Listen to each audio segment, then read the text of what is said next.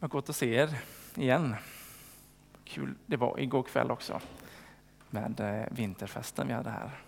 Att vi fick få fira 125 år som församling. Nu är vi inne i det 126 året. Vi får börja det här årets gudstjänst med, eh, med att gå in i, eh, vidare i temat. Vi började faktiskt redan förra året med det temat på nyårsdagen, afton. Vi ber en bön.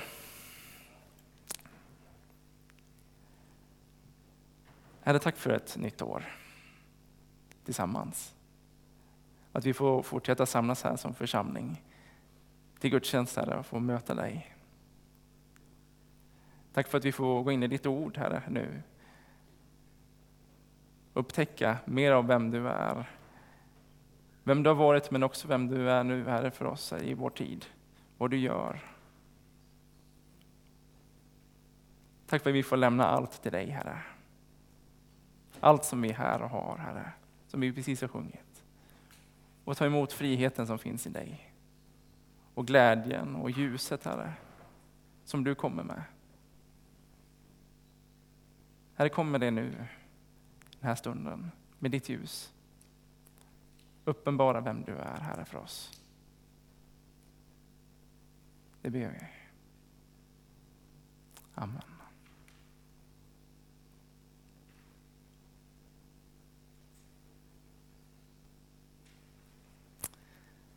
Ja, vi är ju inne i ett nytt år nu. Det är 2024. Jag vet inte hur ni känner inför det, eh, inför det här året som kommer. Men det är ju lätt att fastna i de här dystra budskapen som präglar nyhetssändningarna, som återkommer om och om igen. Men också känna de här svårigheterna som vi stöter på i livet, det som drabbar oss ibland. Att det liksom tar över. Drar ner oss. Och jag tänker att ett vanligt sätt för oss att bemöta det här när det blir lite för mycket. Det är att vi blundar. Vi stänger av flödet en stund för att skydda oss själva. Så att man inte dras med ner i mörkret. Och det kan vara bra. Och visst får vi, får vi göra det. Söka skydd när det när det blir jobbigt. Jag tänker att det är viktigt att vi ser att vi får ta hand om oss själva. Ibland är det lätt att se att vi behöver ta hand om andra människor, men vi behöver ibland också ta hand om oss själva och älska oss själva lika mycket som vi älskar andra människor. Men även om det kan vara bra för våra hjärtan och våra sinnen att stänga ute nyheterna ibland och blunda, så tror jag att det är än mer så att vi behöver öppna våra ögon för att se Jesus och det fantastiska som han kommer med rakt in i våra liv och in i vår värld. Så jag tror än mer att det är det som vi behöver och att det gör underverk just i våra hjärtan och i våra sinnen. Att få se och möta Jesus. Så vi har tänkt att vi lägger det som tema för den här terminen. Vi kallar det för möten med Jesus. Och vi utgår ifrån Johannes evangeliet i mötesserien. Vi inledde den precis förra söndagen. Och då delade jag med mig lite grann av en bild som bygger på de olika fyra evangelierna som vi har i Bibeln och som vi möter där, som berättar om Jesus. Där jag börjar med Matteus, som är en bild för rotsystemet. Han som går bakåt och visar på Jesus på rötterna. Sen kommer Markus i ordningen och då möter vi stammen på trädet. Det här evangeliet som vi får möta i ögonhöjd. Vidare sen kommer Lukas som bildar ett fantastiskt grenverk. Han är lite utåtriktad mot hedningarna. Det ska ut, evangeliet. Och där vi till sist får möta Johannes evangeliet.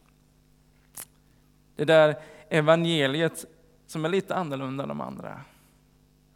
Som liksom omvandlar kraften i trädet till att bli någonting nytt, skört, vackert. Att det Johannes är blommorna på trädet. Och jag tänker, är det inte det vi behöver verkligen se just nu? Det där vackra, färgsprakande och väldoftande med Jesus. Se vad det är han gör med oss och vad det är evangeliet mynnar ut i. Se kraften. För jag tror att där finns orken att möta det här livet som vi har, som ibland är ganska mörkt. Men i ljuset av Jesus kan vi möta det med öppna ögon och nyfikenhet och en glädje inför framtiden. Lars predikade förra veckan om ordet som blev människa och om ljuset som lyser i mörkret och som är så ofrånkomligt starkare än mörkret. För där man tänder ett ljus, där blir det ljust. Hur mörkt det än är. Och så hade han en fin bild från C.S. Lewis. Med just det här vad ljuset gör. Att ljuset, det gör inte bara att det blir ljust, utan det tar fram allt det vackra också. Vi kan se saker och ting genom att det blir ljust. Färgerna kommer till liv i ljuset. Och idag så ska vi få möta Johannes döparen och se det vackra som uppenbaras i hans liv. I hans möte med Jesus. I mötet med ljuset med Jesus. Vi läser ifrån Johannes 1, vers 19 till 34. Och detta var Johannes vittnesbörd när judarna i Jerusalem sände präster och leviter för att fråga honom, vem är du? Han bekände, och han förnekade inte, han bekände, jag är inte Messias. De frågade, vad är du då? Är du Elia? Han svarade, nej det är jag inte. Är du profeten? Nej, svarade han. Då sade de, vem är du? Vi måste ha ett svar åt dem som har skickat oss. Vad säger du om dig själv? Han sade, jag är en röst som ropar i öknen. Gör vägen rak för Herren, som profeten Jesaja har sagt. Också några fariseer hade sänts ut och de frågade honom, varför döper du då? Om du inte är Messias och inte heller Elia eller profeten. Johannes svarade, jag döper med vatten. Mitt ibland er står en som ni inte känner. Han som kommer efter mig. Jag är inte värdig att knyta upp remmen på hans sandaler. Detta hände i Betania på andra sidan Jordan, där Johannes döpte. Nästa dag såg han Jesus komma och han sade, där är Guds lam som tar bort världens synd. Det är om honom jag har sagt, efter mig kommer en som går före mig, till han fanns före mig. Jag kände honom inte, men för att han ska bli sedd av Israel har jag kommit och döper med vatten. Och Johannes vittnade och sade, jag har sett anden komma ner från himlen som en duva och stanna över honom. Jag kände honom inte, men han som sände mig att döpa med vatten sade till mig, den som du ser anden komma ner och stanna över, han är den som döper med helig ande. Jag har sett det och jag har vittnat om att han är Guds utvalde.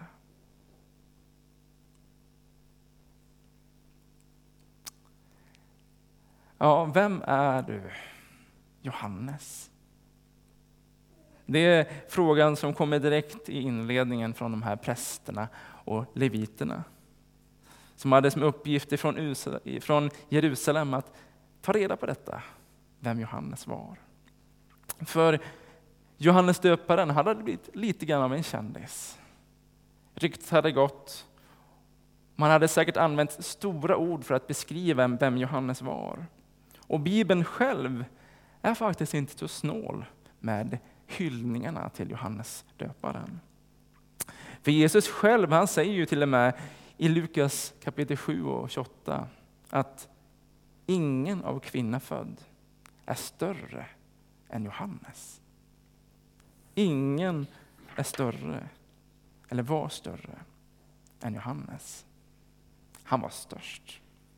Han var exceptionell. Så det är inte så konstigt att de här prästerna och leviterna då söker upp honom för att ta reda på vem han var. Och de reste hela vägen ut i öknen. Men där så får de inte mycket till svar. För Johannes han verkar vilja vara mer tydlig med vem han inte är, än vem han är. Jag är inte Messias, är det första han säger. Det är inte det de frågar egentligen. Men han vill vara tydlig, jag är inte Messias. Är han Elia då? Eller den här mäktiga profeten som skulle komma nu när han är så stor som de har hört? Men han säger nej. Han säger nej Johannes, nej jag inte.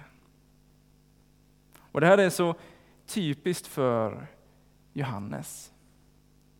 Vi vet ju ganska mycket om honom i Bibeln. Vi vet var han kommer ifrån. Vi vet vilka som är hans familj, hans föräldrar. Och det var ju faktiskt så att Johannes själv var en levit. Och han kom ifrån prästsläkten, så han skulle kunna ha varit en präst, precis som de som kom och frågade honom. Så han skulle kunna ha sagt att jag är precis som ni. Men det gör han inte heller. För Johannes han har lämnat allt det där bakom sig, skalat av, gått ut i öknen, levde sitt liv där tillsammans med Gud. För att upptäcka vem han innerst inne själv var. Eller kanske rättare sagt, se vem Gud är. Och visa för andra, de också kunde se vem Gud är. För när dessa präster och leviter sedan krävde ett svar av Johannes, då berättar han till slut vem han är. Och samtidigt också säger han ju lite grann om vem dessa präster och leviter som var som han var innan. Vilka de innerst är, bakom allt det där andra. Och jag tror vi också ska lyssna till vad Johannes säger. För det säger någonting om vilka vi också innerst inne är och kallade till att vara. I hans ord, jag är en röst som ropar i öknen. Gör vägen rak för Herren. Och när man läser det här så kan man känna att bara en röst. Och det är det Johannes säger. Att vi i oss själva inte är så mäktiga. Att ingen av oss har kraften nog att rädda världen. Och det är ganska befriande att ha med sig. Vi behöver inte ha den tyngden på våra axlar. Men visst kan det också låta lite nedslående, det Johannes säger, lite grann som jantelagen, att du ska inte tro att du är något.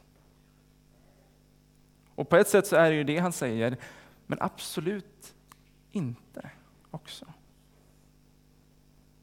För att bara vara en röst i öknen, det låter inte som så mycket, men storheten ligger inte i rösten som ropar, utan i vad den säger. Bana väg för Herren. Ja, Johannes, han var störst av alla, men storheten låg i att Johannes var en röst. Han var en person som genom hela sitt liv och allt det han gjorde pekade på Jesus. Vi ser det i allt som berättas om honom i, i dagens bibeltext. Där är Guds lamm, säger han, som tar bort världens synd. Ja, det sa Johannes och han pekade på Jesus. Några frågade honom, varför gör du som du gör? Varför döper du med vatten? Då säger han sen, för att han ska bli sedd. För att Jesus ska bli sedd. Det var hans svar. Ja, inget annat finns att se i Johannes avskalnade, nakna liv. Det var Jesus som gällde. Och Johannes själv, han hade sett Jesus och efter det så ville han att alla andra också skulle se honom. Och än idag så hjälper han oss med det, att se Jesus. Ja, Johannes är fortfarande för oss ett enda stort vittnesbörd om Jesus. Så som det står om honom tidigare i Johannes evangeliet att han kom som ett vittne för att vittna om ljuset, så att alla skulle komma till tro genom honom. Själv var han inte ljuset, men han skulle vittna om ljuset. Precis som Johannes så är inte vi själva ljuset. Men precis som Johannes är vi kallade till att vittna om och reflektera ljuset ifrån Jesus. Och vi är inte heller Messias, men vi är kallade till att uppenbara vem Messias är. Så att människor får komma till tro på honom. Och ja, i Johannes så ser vi en bild för vad det är som vi är skapta till att innerst inne vara.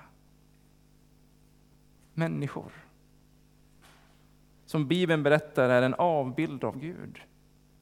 En levande bild som genom allt den är och allt den gör visar på vem Gud är. Visar på vem Jesus är. Så därför har vi så mycket att lära av Johannes döparen. Den store Johannes. Ingen av kvidda född är större, sa Jesus. Men det stora här är att Jesus slutar inte där. Utan han fortsätter, men den minste i Guds rike är större än han. Ja, den minste i Guds rike är alltså större än Johannes, den största av de alla människorna som var. Och det är för att Johannes han blev fängslad och han dog innan Jesus han fullborda sitt verk på korset. Det är det verket som släppte lös uppståndelsen och livet och Guds kärlek på ett helt nytt sätt i vår värld. Och det som gjorde att den som tror på Jesus idag själv bär på Jesus egen ande i sitt inre. Den heliga Ande i sitt hjärta. Vilket är ett ännu större och tydligare vittnesbörd om Jesus än det Johannes kom med. För ljuset som Johannes vittnade om och lammet som Johannes pekade på har flyttat in i oss. Ja, han som är soluppgången och räddningen för hela den här världen, han bor otroligt nog i oss och i våra liv och mitt ibland oss här i sin församling. Och det är helt otroligt. Det är så otroligt stort. Kan vi greppa det? Kanske lättare att fundera över där vad vi egentligen har att komma med. Jag tror ibland så kan vi känna så om oss själva. Vad har jag att komma med egentligen? Om kyrkan, vad har vi att komma med? Men om vi känner så, känner oss små, känner oss obetydliga och otillräckliga, då kan vi vara glada. För den som är den minsta i Guds rike, som tror och tagit emot Jesus i sitt liv. Den som bär på honom, som är soluppgången för hela den här världen i sitt liv. Den är stor. Och när vi samlas som kyrka, han är här mitt ibland oss. Soluppgången. Det är svårt att greppa och det är också lätt att andra saker i livet kommer i vägen. Skymmer och ibland får ta lite för stor plats kanske. I vår förståelse över vilka vi själva är. Men låt oss då lära oss av Johannes och genom hans avskalade liv se vilka vi innerst inne är och påminna oss om det.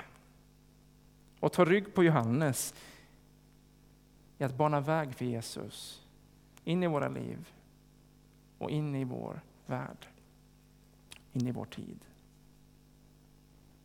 Amen. Nu ska vi förbereda oss för att ta emot Jesus, påminna oss om livet som vi får ta emot i honom. Snart ska vi fira nattvard. Daniel kommer leda oss i en sång först.